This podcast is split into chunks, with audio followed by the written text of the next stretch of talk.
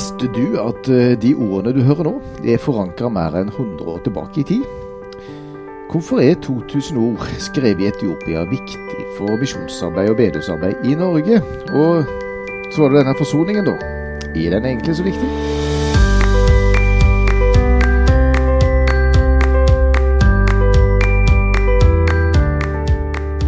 Du lytter til podkasten Lydbåndet, utgitt av Indremisjonsforbundet og produsert i samarbeid med redaksjonen i Samhold. I studio i dag der er medieleder og redaktør Petter Olsen og journalist Wilhelm Viksøy.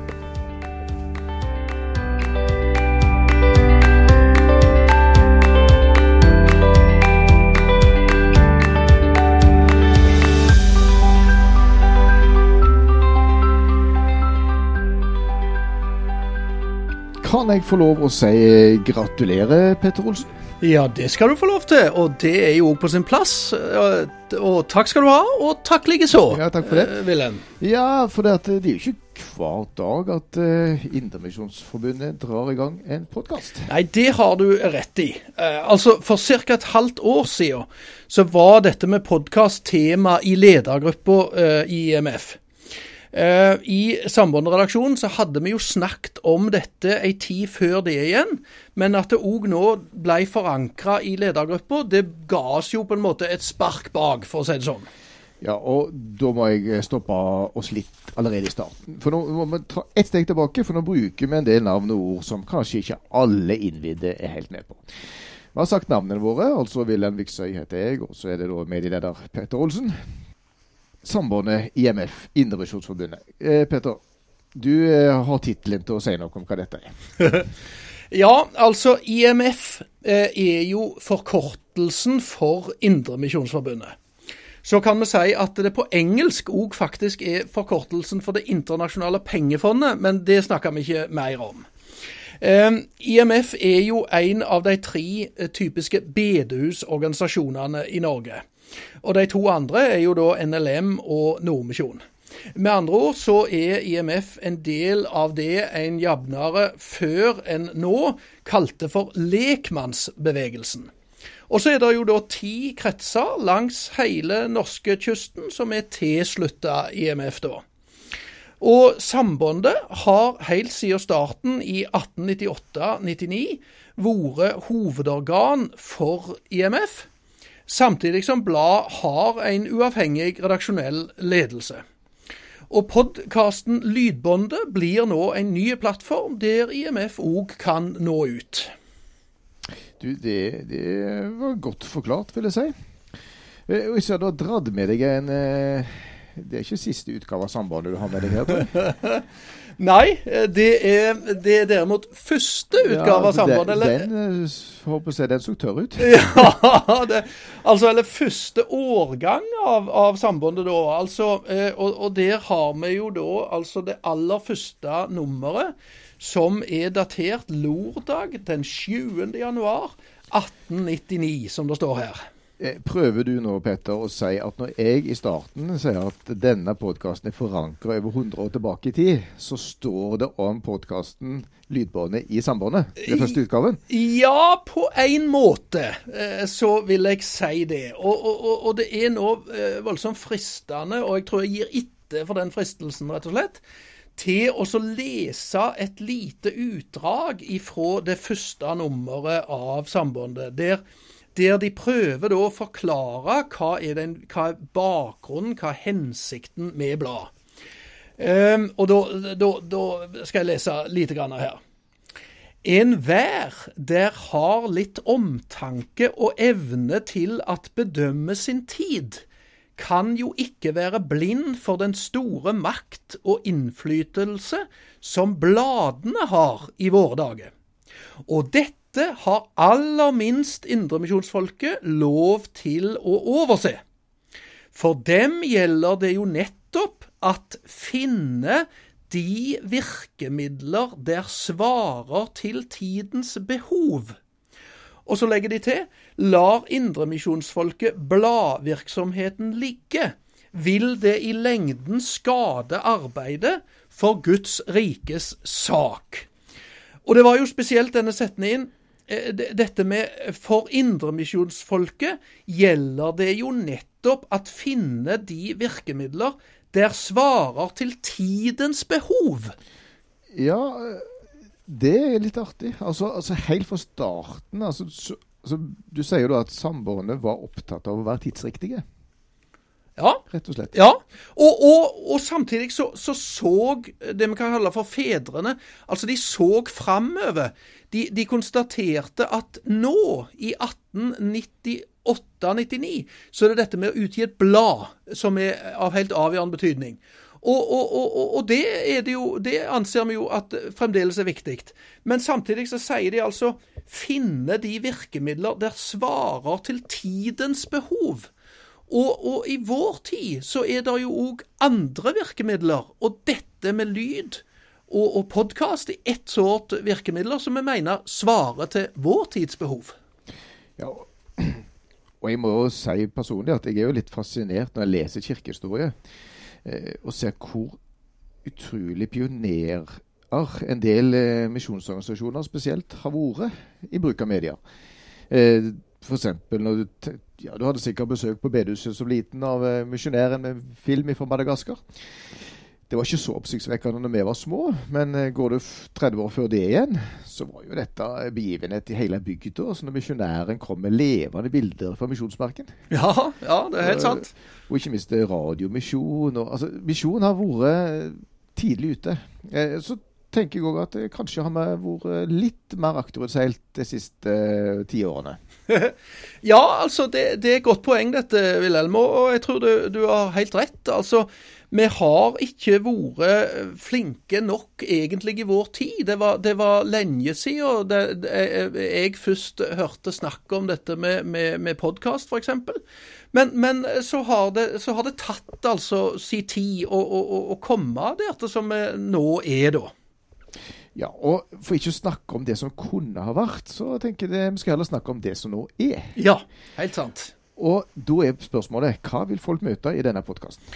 Ja, eh, altså eh, Sambandet eh, det er jo et organisasjonsblad som tar utgangspunkt til, i interessene til vår utgiver, altså Indremisjonsforbundet. Samtidig så leder redaksjonen seg sjøl og er på den måten uavhengig. Så det redaksjonelle arbeidet til sambandet og i sambandet, det vil jo være viktige bidrag. Og dermed så mener vi òg at det arbeidet som IMF er engasjert i, og òg utviklingstrekk i tida som IMF er opptatt av, eh, det vil være viktig. Eh, det er viktig for blad, og det vil òg være viktig for podkasten. Og, og, og, heller ikke kun det som, det som IMF direkte er involvert i. Men vi vil nok òg komme inn på, på, på, dette med som jeg sier, utviklingstrekk, altså aktualiteter i Kristen-Norge og i kristenlivet.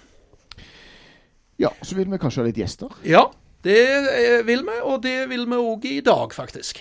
Det kommer vi litt tilbake til. Men uh, du Petter, forankrer jo podkasten godt i historien. Og nå må vi i gang med hoveddelen i dagens sending.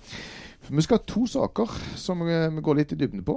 Og begge er av historiske preg, på litt ulike måter. For det første eh, fordi det redaksjonelle arbeidet som ligger til grunn for de to sakene, den foregikk eh, litt før sommeren. Så det er ikke helt ferskvare i, i sambandet. Men det står seg godt for det. Og for det andre begge sakene er kirkehistorisk viktige. Og Det ene er da et dokument på 2000 ord fra Etiopia. Ja, altså det såkalte Bishoftu-dokumentet, som du da sikta til, det er kort sagt et lærebrev som faktisk 20 millioner lutheranere stiller seg bak. Og, og, IMF er altså en av de mange organisasjonene og kirkesamfunnene da, som stiller seg bak dette, dette dokumentet, og det er verdensomspennende eh, underskrivere. da. Og Erik Furnes, eh, IMF sin generalsekretær, har i kortform beskrevet dette dokumentet som både et trua sitt ja og et trua sitt nei. Og, og, i tillegg til dogmatikk, altså ren truslære, altså hva står disse 20 millioner lutheranerne for, så tar en òg opp aktuelle spørsmål i tida, som menneskeverd og, og miljøspørsmål òg, f.eks. Det skal vi snakke mer om, men før vi skal til Bischofter-dokumentet, så skal det handle om noe som er kirkehistorisk enda viktigere, nemlig forsoningen.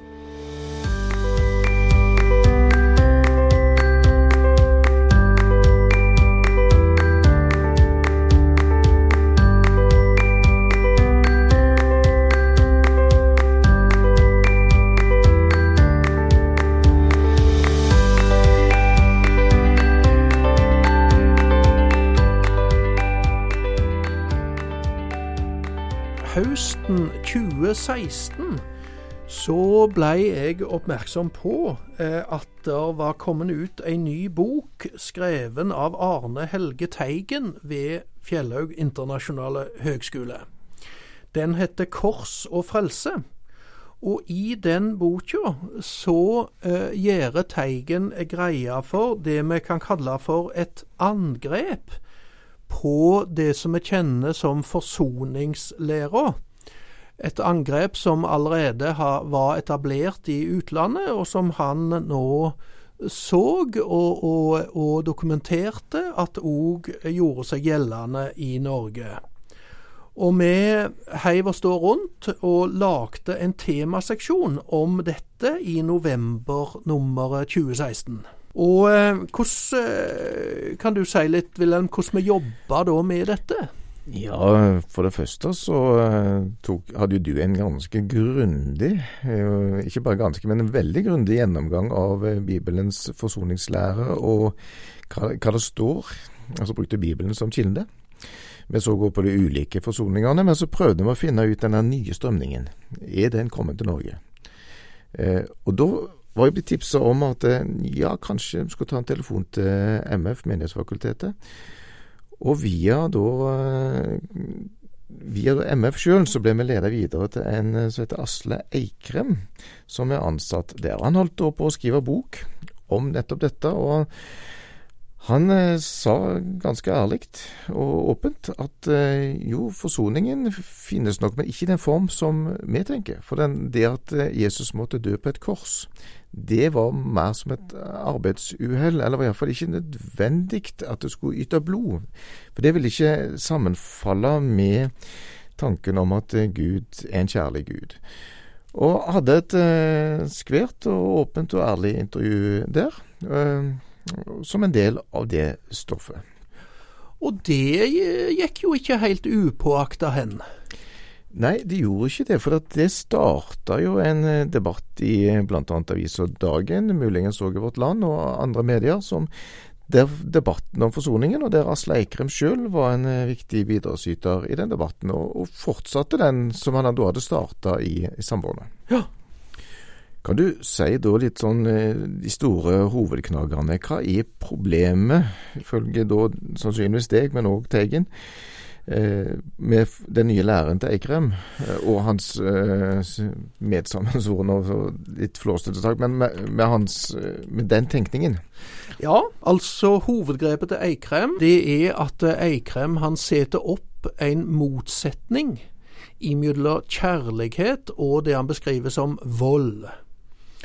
Og så sier han da at en gud som tanken om en gud som tilgir på grunn av at hans sønn dør på et kors. Det er en voldelig tanke, sier Krem, og det vil da ikke samsvare med Gud som kjærlighet. For det at det vil altså da eh, bryte, det vil stå i kontrast til Gud som kjærlighet. Og dermed så forkasta faktisk Eikrem eh, hele tanken om en forsoning basert på Jesu eh, korsdød, Jesu eh, lidelse på korset, hans forsonende strafflidelse på korset, der han tar vår synd og straff på seg. Det, hele den tanken forkasta da Eikrem. Og det er klart at um, det reagerer Teigen på, og det uh, reagerer Sambandet på. Det at du som redaktør for et ja, hva si, forholdsvis lite blad i det store bildet, for å være Ja, litt ydmyk. ja da, det må eh, likevel, klar, det at du som redaktør for det klarer å sette en dagsorden på en sånn eh, debatt. Ja, Hva altså tenker du om det? Ja, jeg tenker vel litt sånn ubeskjedent at jeg iallfall syns det har vært eh, inspirerende å oppleve at Sambandet eh, fremdeles eh, kan sette dagsorden. Eh, at vi, om ikke debatten har foregått i våre spalter, så, så, så var det vi som starta det hele. Eh, Så, så jeg syns at, eh, at Sambandet her har vist noe av sin eksistensberettigelse. Det er faktisk òg sagt i vårt program at nettopp dette med den gamle forsoningslære, det er noe av det som Sambandet skal, skal stå vakt omkring.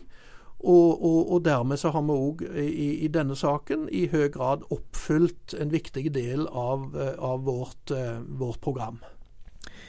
I din eh, kontakt, Petter, med bedehusmiljøet, ser du spor av denne forsoningslæren, altså den nye dempa forsoningslæren, eller er dette mer en sånn skrivebordsdiskusjon?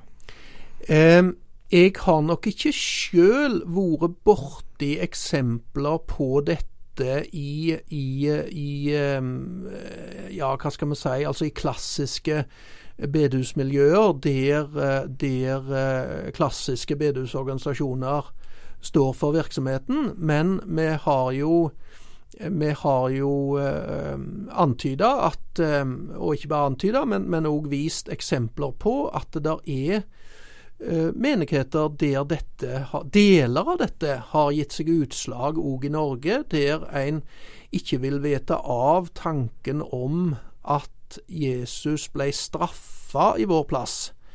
Eh, Det ønsker en ikke å, eh, å forkynne, fordi at en opplever at det er eh, det vil være i strid med hvordan, moderne unge mennesker tenker.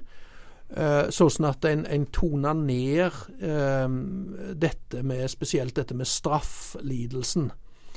Um, og, og, um, så, så at det kan være på vei inn, det er iallfall Det må vi iallfall stå vakt omkring.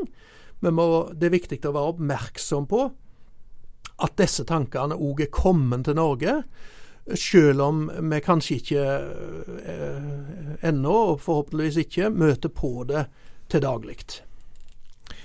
Siste spørsmål òg. Altså, kan vi lære noe òg av Eikrem midt i alt? Altså, det, det er jo noe med at vi kan stå i fare for i en bedehustradisjon å snakke for enkelt om den voldsomme historien som det faktisk er, med, forso med forsoningen og Jesu død. At det, det blir så selvfølgelig for oss at vi, det blir litt sånn platt. Ja, det er helt sant. Og, og jeg tror at det er viktig at hver generasjon truende, hadde jeg nær sagt, eh, ja, altså oppdage eller revitalisere dette for sin egen del. Eh, at en, eh, en går inn i overleveringene og, og, og gjør dette til sitt. Eh, og at en, at en gjør en jobb med å gå inn i bibeltekstene, eh, se sammenhengene i imellom jødene sitt påskelam, f.eks., og Kristus, som Paulus kaller for vårt påskelam. Eh, Døperen Johannes som sier 'se der Guds lam'. Hvorfor bruker han det uttrykket? Eh, altså, han skaper en kobling til det ifra Det gamle testamentet, ifra den gamle pakt og til den nye pakt. Så, eh, så dette skal vi helt klart ikke snakke enkelt om, nei. Det er helt klart. Og vi skal sikkert snakke mer om det i en annen setting òg, for dette er jo noe av basisen for alt det vi driver med. Absolutt. Men akkurat nå så setter vi et eh, punktum, eller et komma, alt ettersom, og så ruller vi videre til neste sak.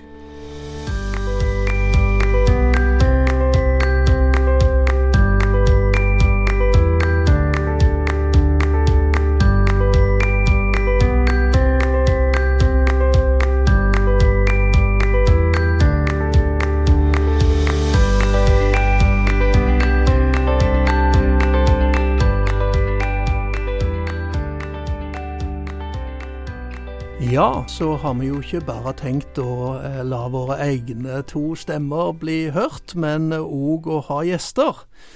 Og til denne første sendingen så har vi velt eh, ganske høyt oppe eh, på hudlene, har jeg nær sagt. Og, og, vi har altså generalsekretæren i IMF, Erik Furnes, som gjest i dag.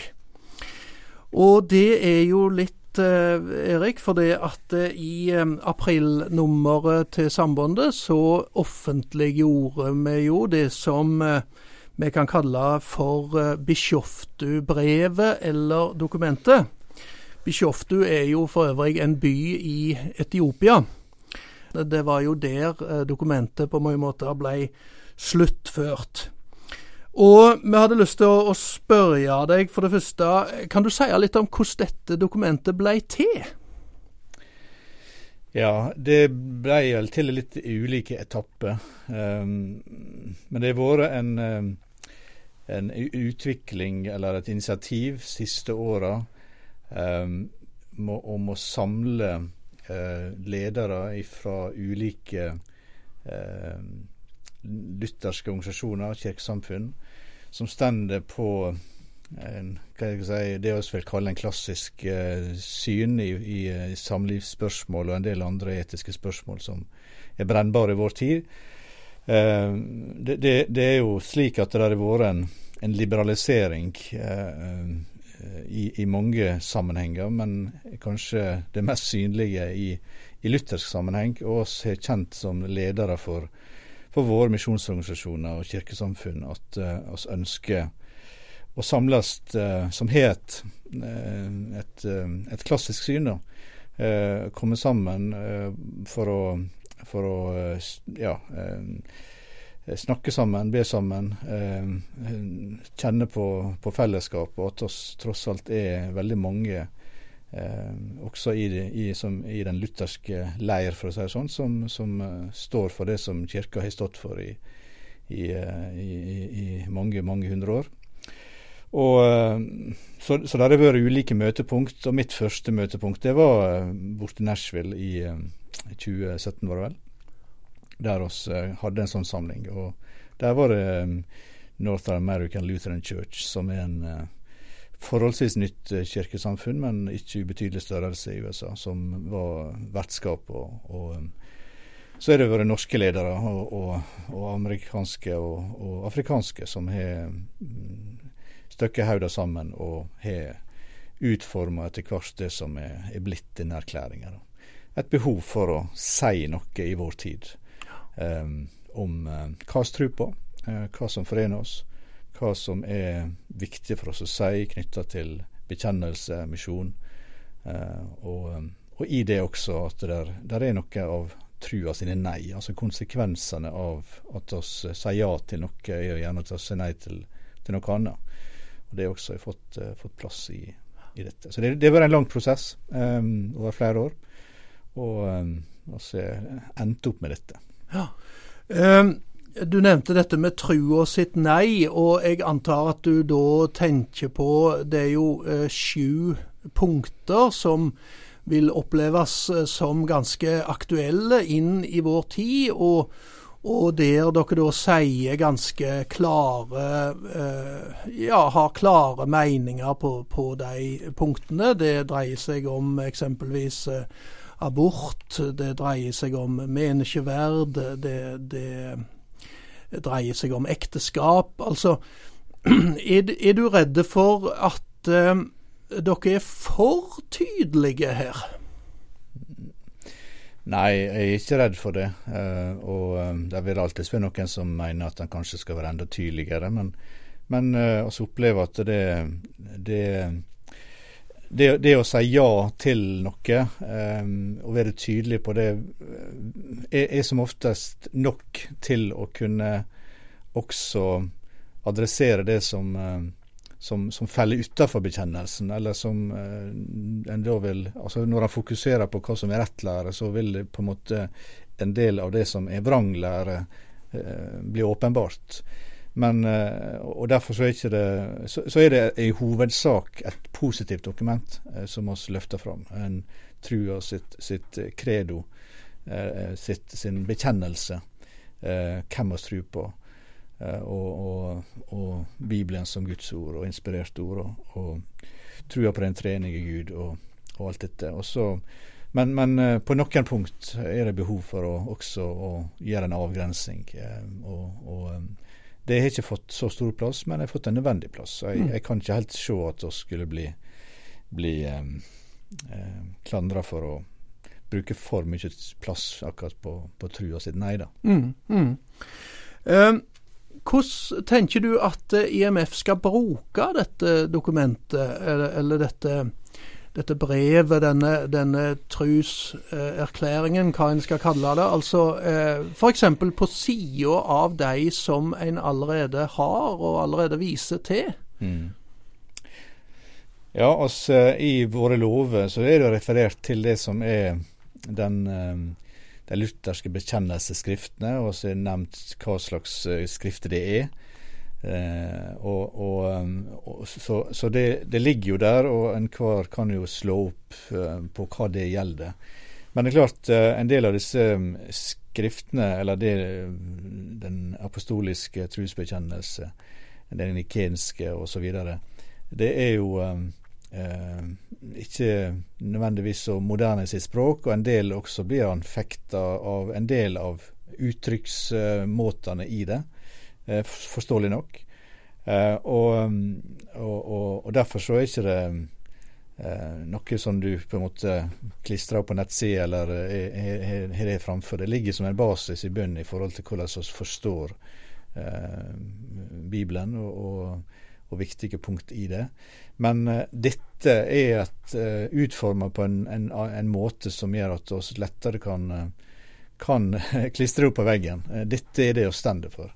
Uh, og, og, og, det er et språk og en kommunikasjonsform som vi tror uh, kan nå videre ut. og Derfor så vil det naturlig for oss å gi dette mer synlig. i at, uh, at Når folk går inn på vår nettside, så vil de se at å ja, dette står de for. En del, en del f.eks. en del masse, mange amerikanske nettsider, så er dette ganske vanlig.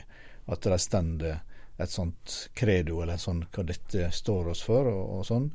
Uh, enten du går inn på en skole eller inn på ei kirke eller sånne ting. Mens uh, det er heller sjeldnere i, våre sammenhenger. Der ligger liksom Ja, oss, bekjenner oss til Bibelen og den evangelisk-lutherske lære. Og så har folk mer eller mindre forståelse av hva det er. Men vi er liksom ikke sånn Ja, en, en sånn uh, tekst som vi bare blåser opp, og dette står der. Men, men, dette kan vi bruke litt mer sånn, tenker jeg. Ja. Det, det, er en det er et, en god tekst, en, en offensiv tekst eh, om hva vi tror på, om misjon og, og alt dette tinget her, som, eh, som jeg, tror, eh, jeg, tror, blir greit forstått. da. Mm. Mm. hvem er det i Norge som stiller seg bak dette dokumentet? Altså, Hvem er det som har undertegna det? Det er, det er, IMF og, og NLM og Nordmisjon som har, som har tre bedehusorganisasjonene som så langt er, er slutta seg til dette. Ja. Um, så det, det, du kan si det er oss som uh, er vel mer tydeligst uttalt at vi satser på, på, bedehuset som uh, basis for vårt forsamlingsarbeid. og Derfor så er det viktig for oss også å løfte fram hva stender for i en, en tid som dette. Vi, skal òg se litt på en gjennomgang som eh, Sambandet har gjort, og en sammenligning som Sambandet har gjort. Eh, det kommer tilbake til etter denne lille pausen.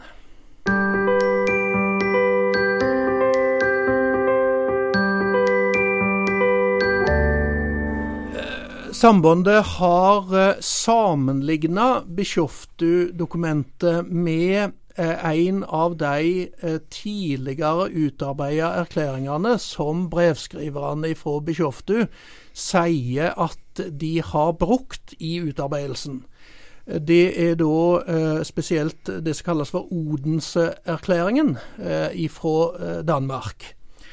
Eh, og der har da eh, har vi da oppdaget at det er noen forskjeller eh, i teksten. Altså, eh, det gjelder spesielt eh, to ting. Eh, og det er eh, dette med eh, årsaken til at eh, Jesus måtte dø. Det berører det. Eh, og i Odense-erklæringen så står det bl.a. dette at han døde, altså Jesus, døde under Guds vrede i stedet for oss syndere. Og Bischoftu-erklæringen, eller brevet, siterer disse avsnittene i Odense-erklæringen som kommer før dette som jeg nå leser. Men akkurat dette med 'han døde under Guds vrede' i stedet for oss syndere, eh, det har en da ikke tatt med. Der har en på en måte stoppet i, i siteringen av Odense-erklæringen. Og, og, det andre, det er dette som gjelder eh, Dette som gjelder evig fordømmelse, som er et uttrykk som Odense-erklæringen bruker. Og òg her så har eh, Bischoftu-dokumentet fulgt Odense-erklæringen til det avsnittet som kommer om evig fordømmelse. Der har Bischofto-dokumentet valgt å utelate dette uttrykket. Um, og um, dette opplever jo vi i redaksjonen da at det er eh, litt påfallende, kanskje, med tanke på den diskusjonen som har gått om forsoningslære, om dette med to utganger av livet. Eh, hva, hvordan vil du kommentere disse forskjellene som vi her har påpekt, Erik? Nei, Jeg vil nok eh, avdramatisere det eh, ganske betydelig. Og det, det, kan jeg gjøre egentlig litt med å si litt om prosessen. For det, det er helt rett at det tar utgangspunkt i en, en, en tekst eh, utforma av danskene. Eh, oversatt til eh, amerikansk. Eh, bearbeidet der, og så er det igjen tilbake til, til en norsk. Så jeg ser jo at det er forskjeller kanskje hvordan en kan ordlegge seg i valg, ja, altså hva valg en ord en bruker.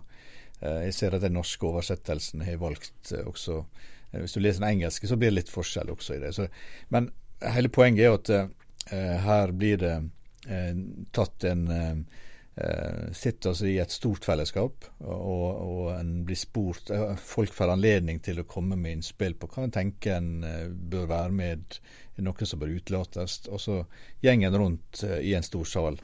Og jeg hadde sjøl synspunkt på en ting som jeg tenkte kanskje var naturlig å ta inn. Ta inn.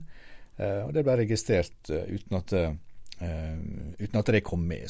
Altså, det er en liten komité som da sitter igjen og skal gjøre et arbeid. og Hvis du da skal sende ut på høring og få inn, så blir det en, ut ifra et høringsdokument, så blir det en ganske tungvint prosess. og det er aldri har sånn sett aldri vært hensikta å, å, ha en tungvint prosess og en omstendelig prosess. Eh, dokumentet ble forholdsvis fort ferdig etter samlinga i, eh, i, Etiopia. Så eh, jeg eh, Det som Ja, altså, en kan, en kan eh, eh analysere og, og, og, og, gå så grundig til verks som, som sambandet her har gjort. Eh, og spille ting opp imot hverandre. Eh, men jeg, jeg tenker det er ikke grunnlag for det. Det, det Der er enkelte setninger kanskje som man da skulle ønske kanskje var litt annerledes, men hele poenget er at hovedinnholdet, det totale budskapet, er noe som oss gir vårt ja til, uh, selv om enkelte setninger kanskje kunne vært litt annerledes. Så jeg, jeg vil avdramatisere ganske betydelig akkurat det som, det som uh, Eh, kan her dramatiseres. Eh, så du mener med andre ord at det ikke er noe tvil om at underskriverne her eh, ville ha kunnet gått god for at de avsnittene som ikke er sitert i Odenserklæringen, at de òg kunne ha kommet med? Ja da, og det eh, Jeg ser ikke vekk fra at det her kan være revisjoner som, som der en kan tydeliggjøre ting.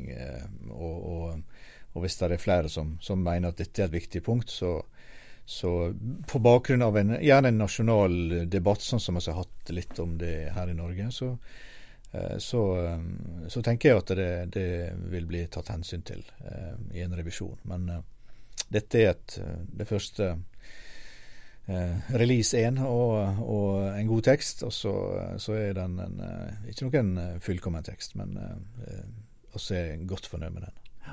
Det kan jo altså da hende at det kommer en patch? ja, det kan du si. Ja, det er det. Ja, Interessant. Eh, vi sier tusen takk. Takk for det.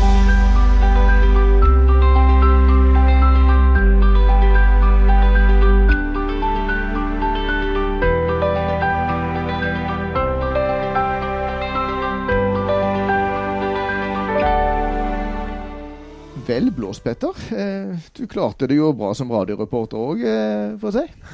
jo, eh, takk det samme, må jeg si da. Ja, det, jeg tenker du skulle jo for så vidt bare mangle, da. Jeg har jo til og med vært i Radiosporten en gang.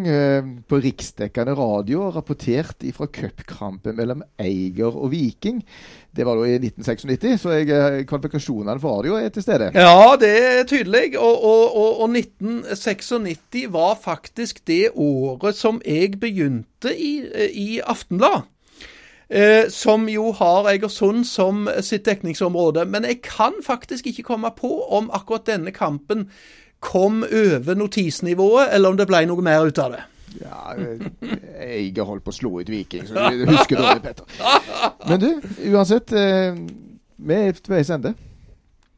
Håper dette har gitt mersmak. Ja, og eh, du vil høre, oss, høre ifra oss igjen før du vet ordet av det. Så da sier vi bare på gjenhør. På gjenhør.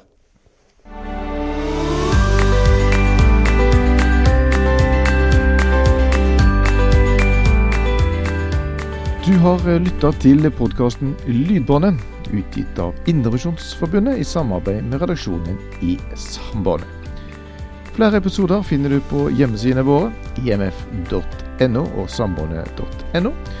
Og på sambandet.no finner du òg andre aktuelle nyheter fra Indrevisjonsforbundet. Du finner òg podkasten der du ellers pleier å lete etter podkaster.